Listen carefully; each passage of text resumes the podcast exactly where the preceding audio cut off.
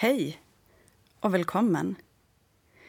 Jag heter Emma Björkman Molin och idag är det dags för mitt sommarprat. Jag kommer prata om något som ligger mig varmt om hjärtat, nämligen mitt jobb. Jag ska också berätta för er om en dröm jag har. En hemlig dröm men som definitivt inte kommer att vara särskilt hemlig efter det här. Så vem är då jag? Jo, jag är född och uppvuxen i Mariehamn. I ursprungsfamiljen har vi mamma Majlen, pappa Christer, mitt syskon Lina och dvärgschnauzern Bosse. Till vardags bor jag i Stockholm tillsammans med min fru Ellen och katten Vilda. Och sedan några månader tillbaka bor vi faktiskt i samma trappuppgång som Lina och hennes sambo Kristoffer. Det känns lyxigt att ha en del av familjen så nära när den annars är utspridd mellan Åland, Alingsås, Göteborg och Berlin. Jag har märkt att ju äldre jag blir desto viktigare blir det med närheten till övriga familjen. Inte för att jag någonsin har haft ett skriande behov av frigörelse eller distans. Snarare att jag med åren har insett hur viktigt det är att vårda relationerna.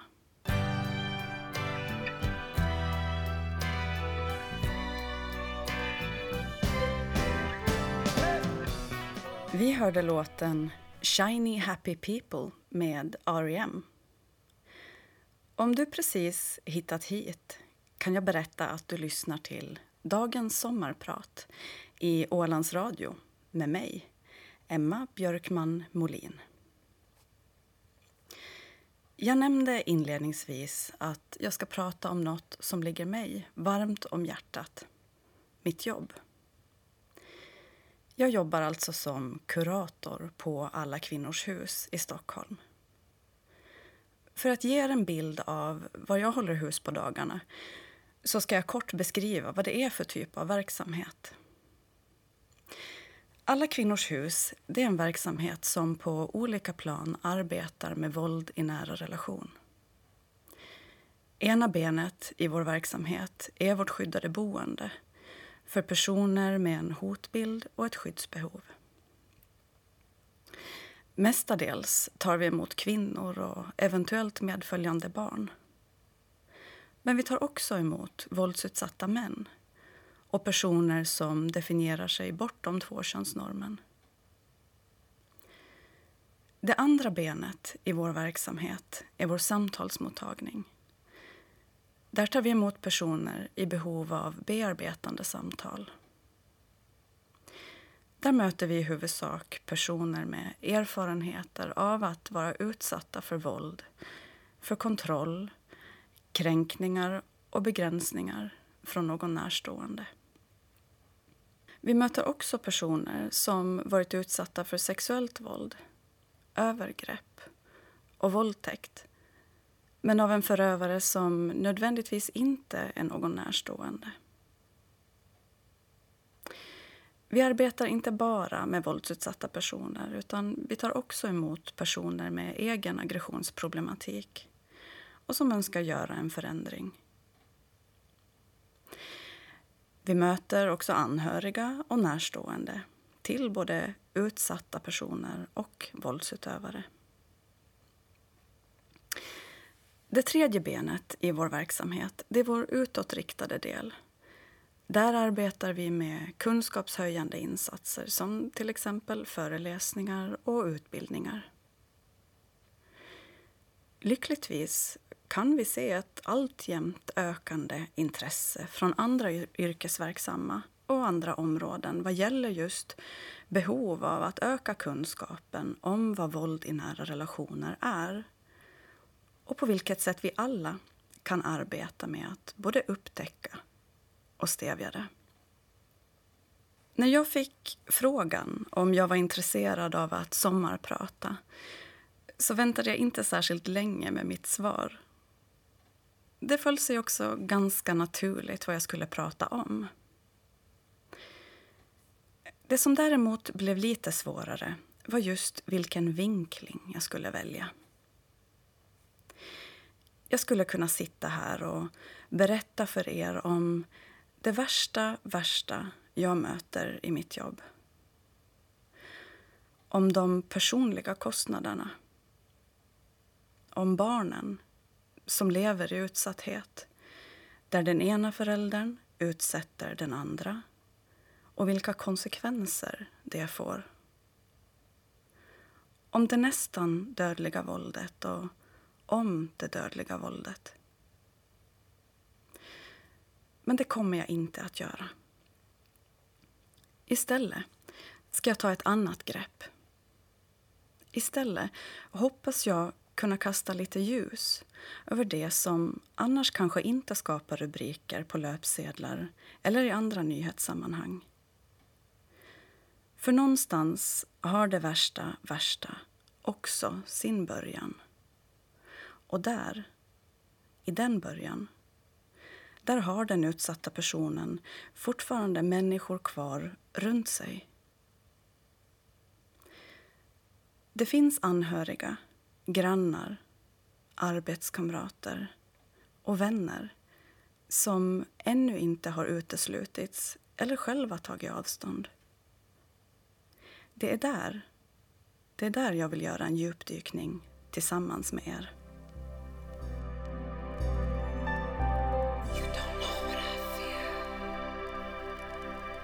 Vi lyssnade till Annie Lennox med låten Why. Någonstans har alltså det värsta också sin början. Det börjar inte med ett slag, en misshandel, en våldtäkt eller ett mord. Och lämpligtvis måste också vi ta en början i vad definitionen av vad våld i nära relation är. Våld i nära relation, det är allt som skrämmer, skadar, som smärtar, hotar och som kränker.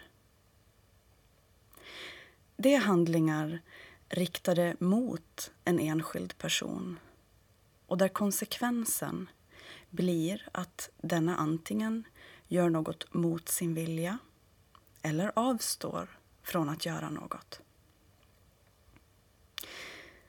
Det är inte bara enskilda handlingar utan det är ett mönster av handlingar. Jag tror att det många i första hand tänker på när vi pratar om våld i nära relation det är det fysiska våldet. Men också det fysiska våldet har sin början och kräver vissa förutsättningar. Ofta hittar vi den början och de förutsättningarna i det psykiska våldet. Det är ett skede när relationen tycks övergå i det som går att likna en ojämn maktfördelning där den ena parten har en ökad kontroll och ett ökat inflytande i relationen.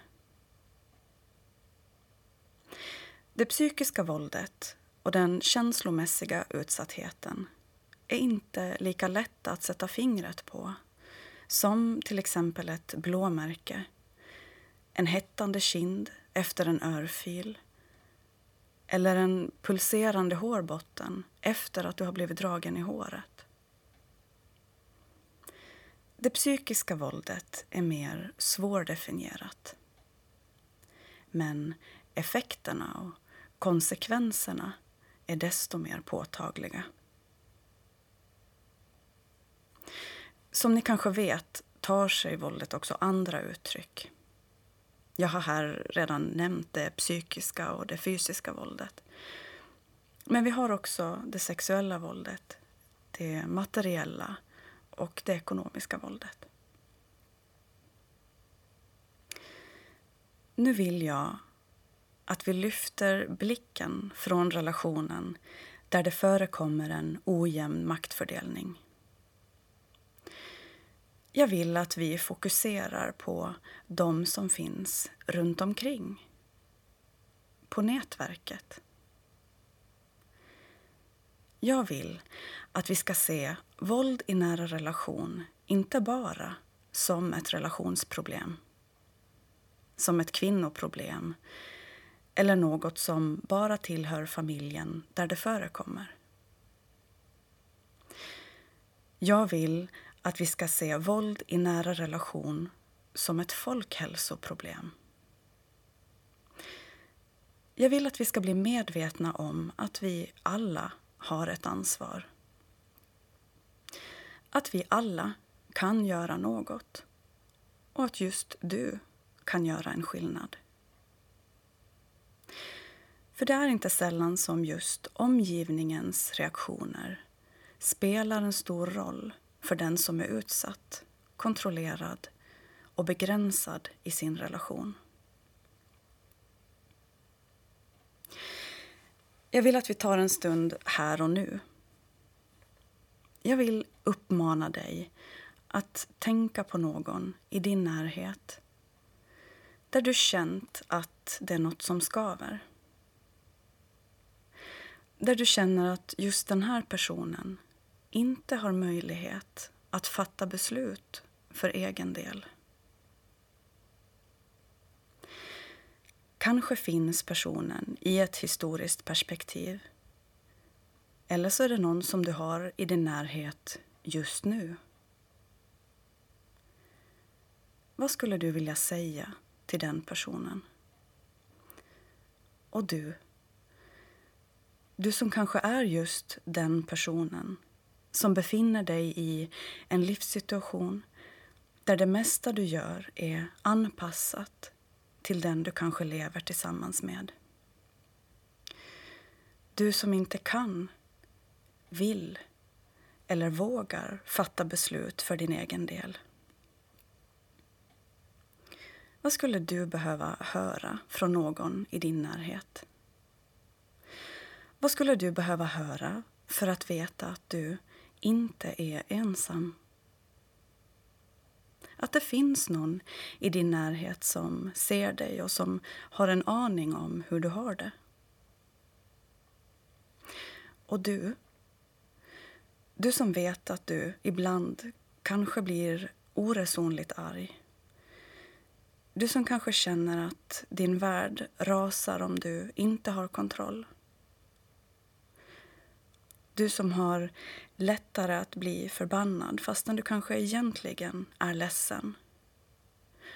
Och att det går ut över den du lever med.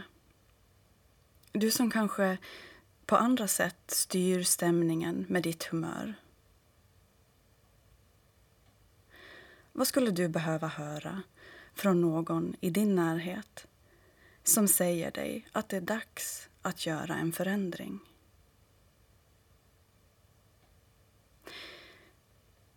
Vi ska lyssna till Placebo med låten Every You, Every Me.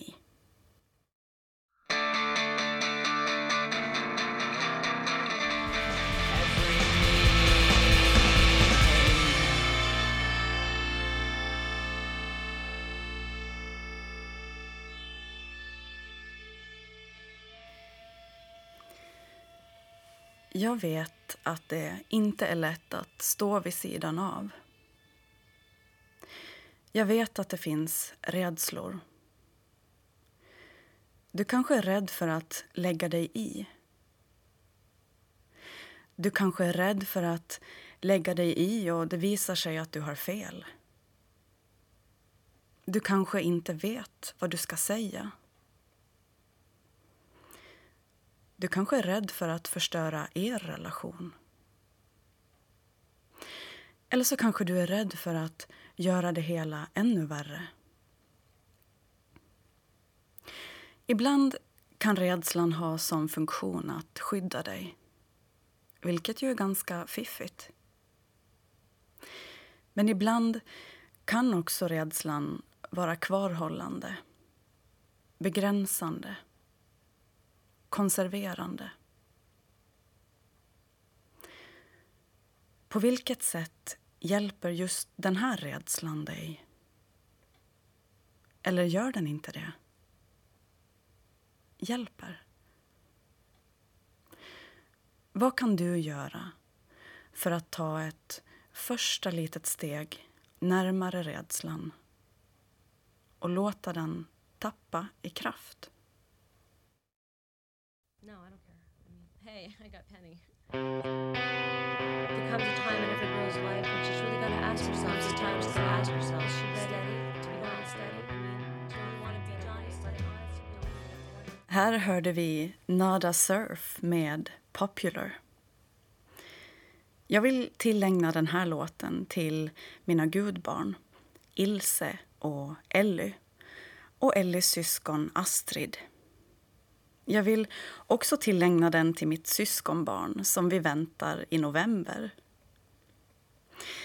Må ni växa till de personer som ni vill och behöver vara.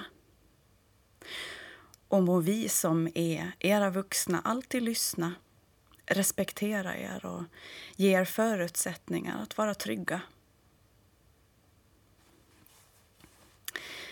Jag nämnde tidigare att jag vill att vi ska betrakta våld i nära relation som ett folkhälsoproblem.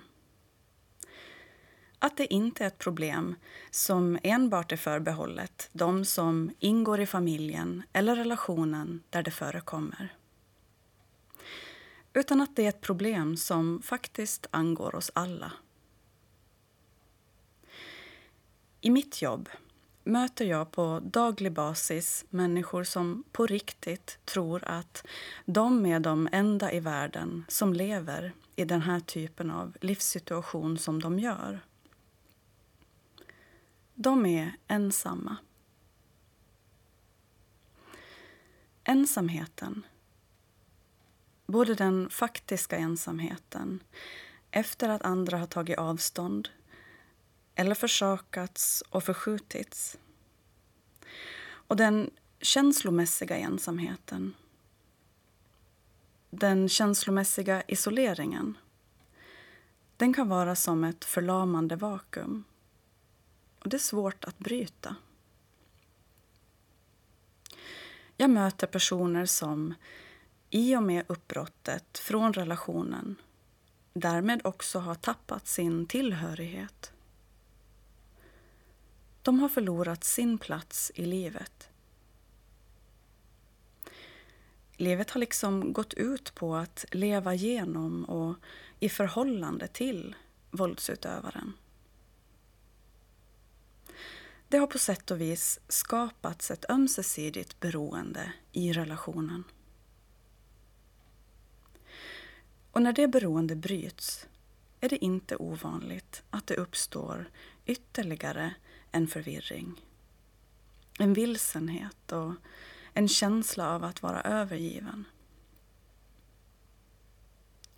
Vem är jag i världen om jag inte lever med min partner? Till ensamheten, isoleringen och förvirringen kan vi också lägga till skam. En skam för att det överhuvudtaget blev så här en skam för att jag inte lämnade relationen och gick. För att jag gick tillbaka och för att jag stannade kvar. En skam för att jag till och med ibland längtar tillbaka. En skam för att jag saknar det vi hade och när vi hade det bra. Eller när det i varje fall inte var så dåligt som det kunde vara. Skuld. En skuld för att jag får skylla mig själv för att jag just stannade kvar. Lät mig behandlas.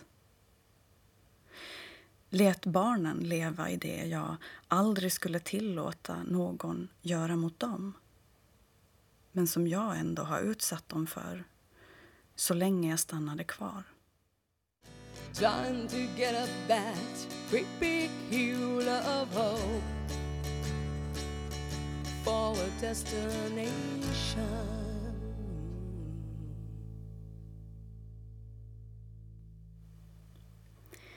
Vi lyssnade på Four Non Blondes och låten What's Up.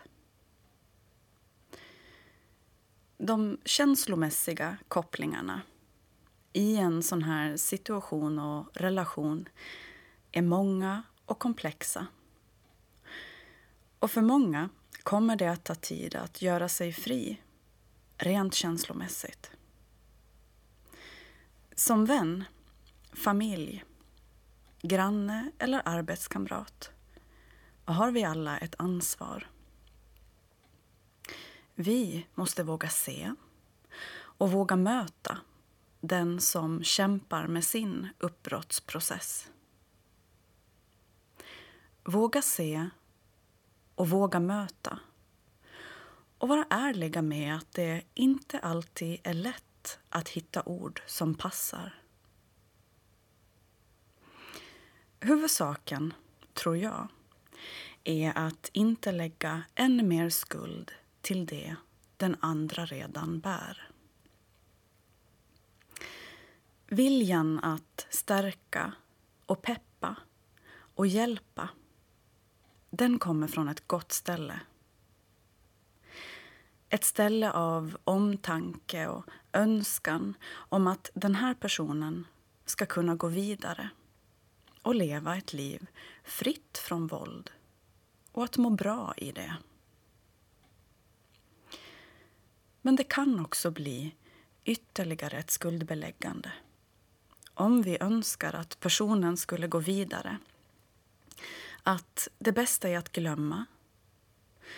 Att det nu är dags att satsa på sig själv och den som har varit den utsättande personen inte är värd energin. Det finns en risk att det blir ännu en tyngd och en skuld förklädd till omtanke om just den här personen inte är helt redo att klippa alla känslomässiga band. För ofta finns det band kvar. Trots allt. Trots att det är svårt att förstå för någon som står vid sidan av. Och det måste vi vara medvetna om, att det kan vara på det här sättet. Jag vill verkligen inte ge er en känsla av att du som anhörig eller närstående står inför en omöjlig uppgift. Ett Sisyfosarbete, ett moment 22. Inte alls. Faktiskt snarare tvärtom. Vad det egentligen handlar om är att finnas där och att fortsätta finnas där. Låt din person veta att hen kan vända sig till dig och du kommer att svara. Låt inte din person bli kvar själv i ensamheten. Testa att sätta ord på att det ibland inte är lätt att veta om man gör rätt eller fel. Våga lyssna efter vad det får för effekt. Du är redan modigare än vad många andra är.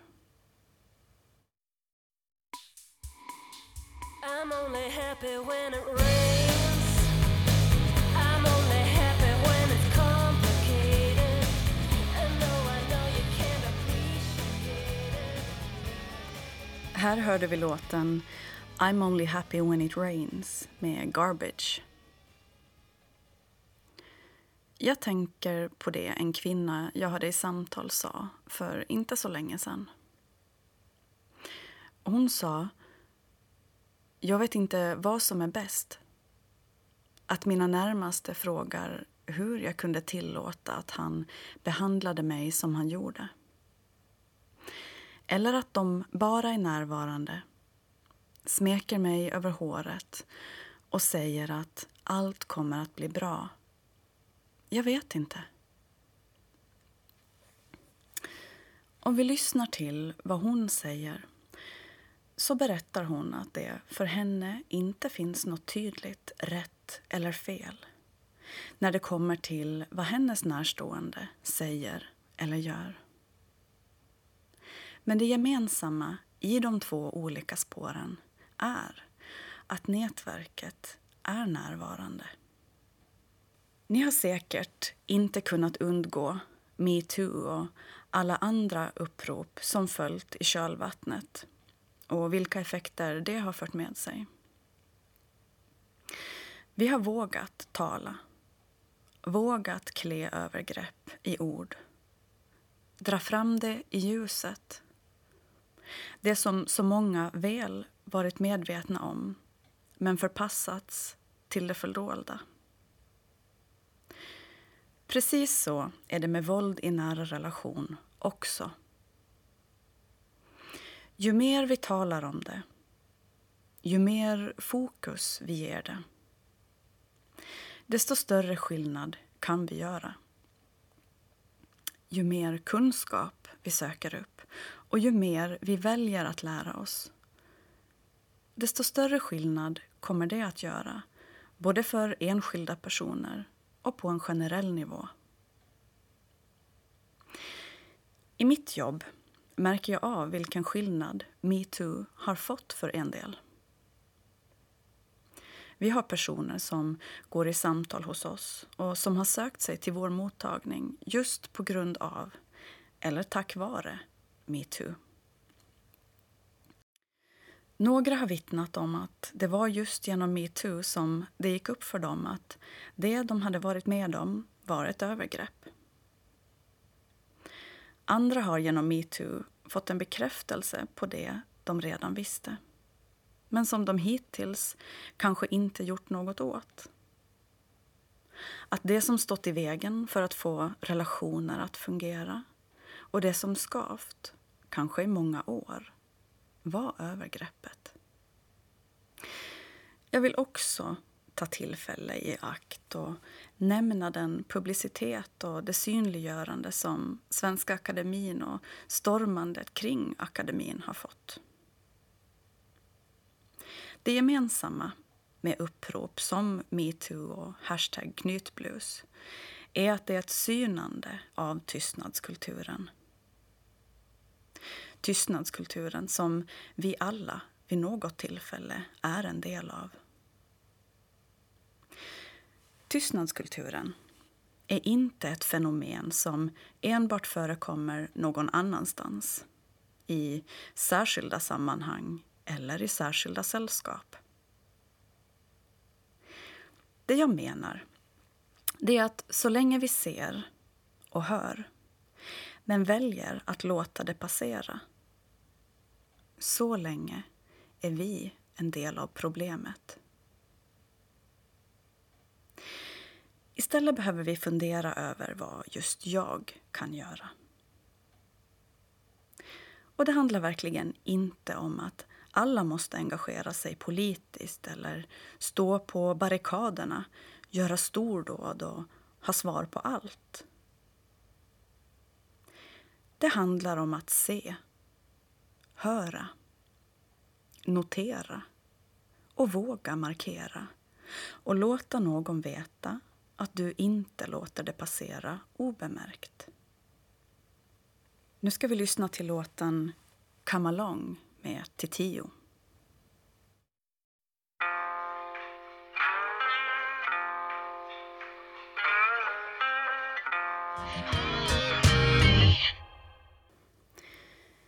När jag pratade om ensamhet och vilsenhet så steget inte långt till tillhörighet.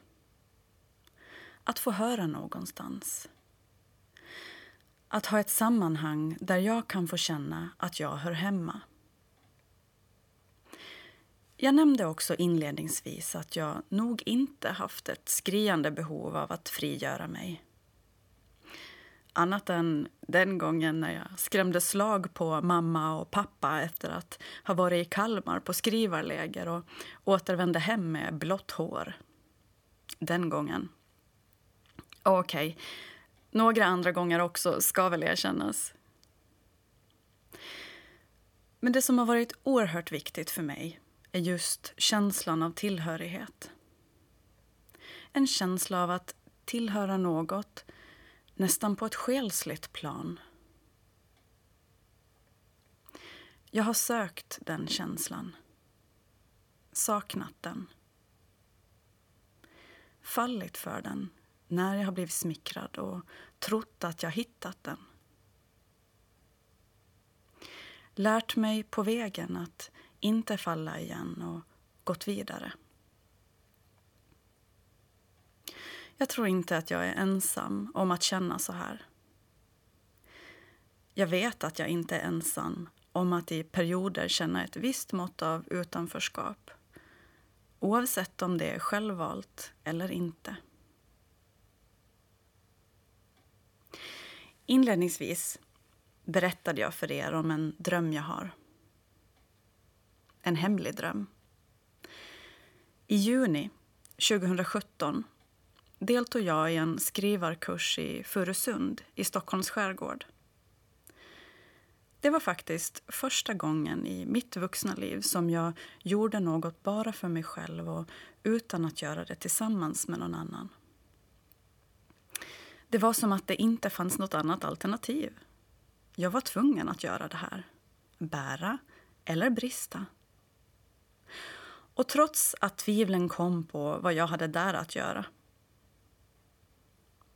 Kursen leddes av författarna Sara Lövestam och Mian Lodalen. Och gruppen bestod av skrivande personer. Jag kommer ihåg att känslan av vad fan gör jag här kom rätt snabbt när jag insåg att alla andra hade skrivprojekt på gång eller befinner sig i en redigeringsfas eller jobbar som lektörer eller till och med har blivit utgivna all denna kompetens på ett och samma ställe och så jag. Vad fan gör jag här? Jag har nog alltid betraktat mig själv som en skrivande person. Jag började tidigt skriva dikter och under någon av de första skolavslutningarna fick jag till och med läsa upp en dikt som jag hade skrivit om våren. Jag kan särskilt komma ihåg känslan av att få till en formulering som fick hela mig att le. Känslan av att hitta de rätta orden just där och då, trots att jag inte var gammal. Och trots att jag alltid har betraktat mig själv som en skrivande person så har det inte alltid och av olika anledningar funnits utrymme för skrivandet. Istället har jag alltid tänkt mycket. Och istället för att skriva ner dem har jag låtit mina oskrivna tankar förbli just tankar. Strävan efter och längtan till skrivandet har däremot alltid funnits där. Så när jag landade på Villa Dagmar i Furusund och fick möjlighet att ta del av alla fantastiska människors eget skrivande och tankar på och om skrivande hittade jag en känsla av tillhörighet som slog an i mig på det där själsliga sättet. Jag sög i mig som en svamp av Saras och Mians föreläsningar och skrivövningar. Jag drog mig undan i den valda och nödvändiga ensamheten för att smälta allt jag plötsligt var med om. Det var som att jag befann mig i en bubbla som innehöll en fantastisk värld. En tillvaro utan nationell tillhörighet eller tid. En värld utan början eller slut. Inför skrivarkursen funderade jag på vad jag ville ha ut av den. jag hade ju inget konkret projekt som jag höll på med. Min ingång blev att försöka skapa någon form av reda i alla de tusen tankar som snurrat men som inte blivit nedtecknade. Och det landade faktiskt i ett skrivprojekt. Det hela kokades ner till ett skrivprojekt som jag hoppas kunna fullfölja och som kan, eller ska, bli en roman. Jag drömmer alltså om att bli författare.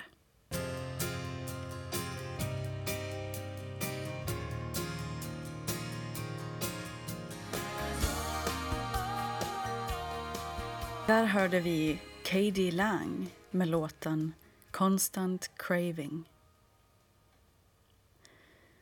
Det är också intressant att se hur kreativitet föder kreativitet.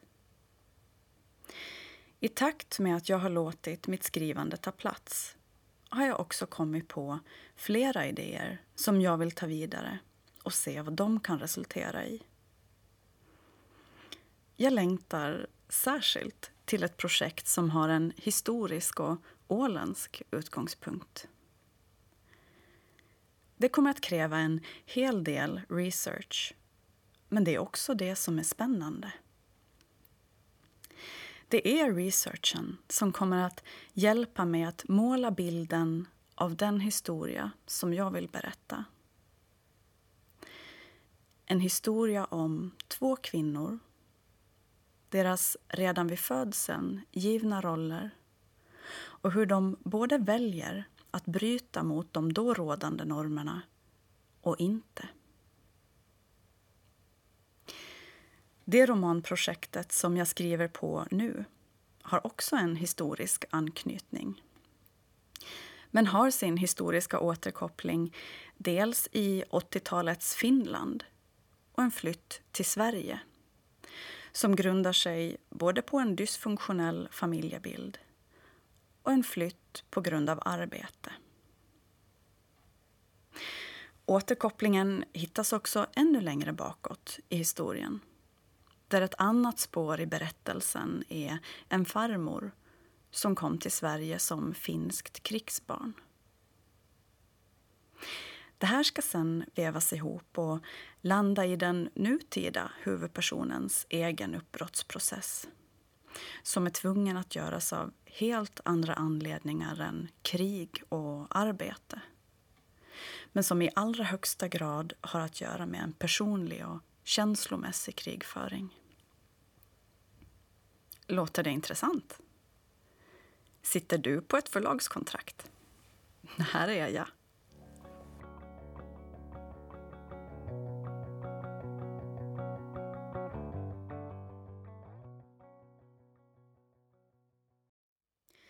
Här hörde vi Foo Fighters med Everlong. Tillsammans med min fru Ellen har jag för ett tag sedan köpt min farmors hus. Min pappas barndomshem. Det ligger i det som enligt mig är en av Ålands vackraste kommuner. Sund. Huset är byggt under senare delen av 1800-talet och under en slummer av övervuxet gräs oändliga skott från plommonträd och syren en klätterhortensia som tagit verkstaden i besittning vilar en trädgård som en gång kallades för byns vackraste pärla av en av byborna. Det huset och den trädgården ska vi nu lära känna. Och jag ska lära känna allt på nytt. Som vuxen. Jag har kära minnen av gräslökstuvor, krusbärsbuskar, potatisland, blåbär i skogen, tjocka katten Mimmi och farfar som rökte pipa. Nu ska vi väcka trädgården ur vilan. Stryka rödmylla på verkstaden och skapa nya minnen. Både Ellen och jag är intresserade av trädgård och byggnadsvård. Och lyckligtvis har vi föräldrar som både besitter kunskap, egna erfarenheter och är villiga, eller villiga, arbetare. Att ta sig an ett sånt här projekt kräver tid. Det kräver tålamod och kunskap. Och såklart ekonomi. Jag tänker att det senare får lösa sig med det första. Alltså att ekonomin får luta sig mot tiden. Vi har ingen brådska. Även om det såklart kliar i fingrarna att sätta igång. Men det finns en vinst i att låta tankar vila. Särskilt när det kommer till gamla hus. Vi har redan haft många tankar och idéer och hade vi enbart följt vår nyfikenhet så hade vi befunnit oss i ett hus med ett uppbrutet golv på jakt efter ett vackert trägolv eller nedslitna tapeter på jakt efter andra dateringar inunder. Tids nog hinner vi dit också. Men först handlar det om att sätta ramverket. Vad är det vi vill göra? Och vad är det som måste prioriteras? Och vilka förutsättningar behöver vi för att på riktigt lära känna huset? Om jag ska våga mig på en vild gissning så kommer det att krävas en hel del tålamod mer än vad jag redan nämnde. Både i planerandet och i genomförandet av diverse projekt. Tålamod. Det är kanske inte min starkaste sida när det kommer till den privata delen av mitt liv. I jobbet däremot, där kan jag ha nästan oceaner av tålamod. Och där kanske det till och med är en av mina styrkor. Men är inte det intressant, så säg. Hur kan det komma sig att det är skillnad på den punkten? Tålamod ena stunden och rastlös den andra.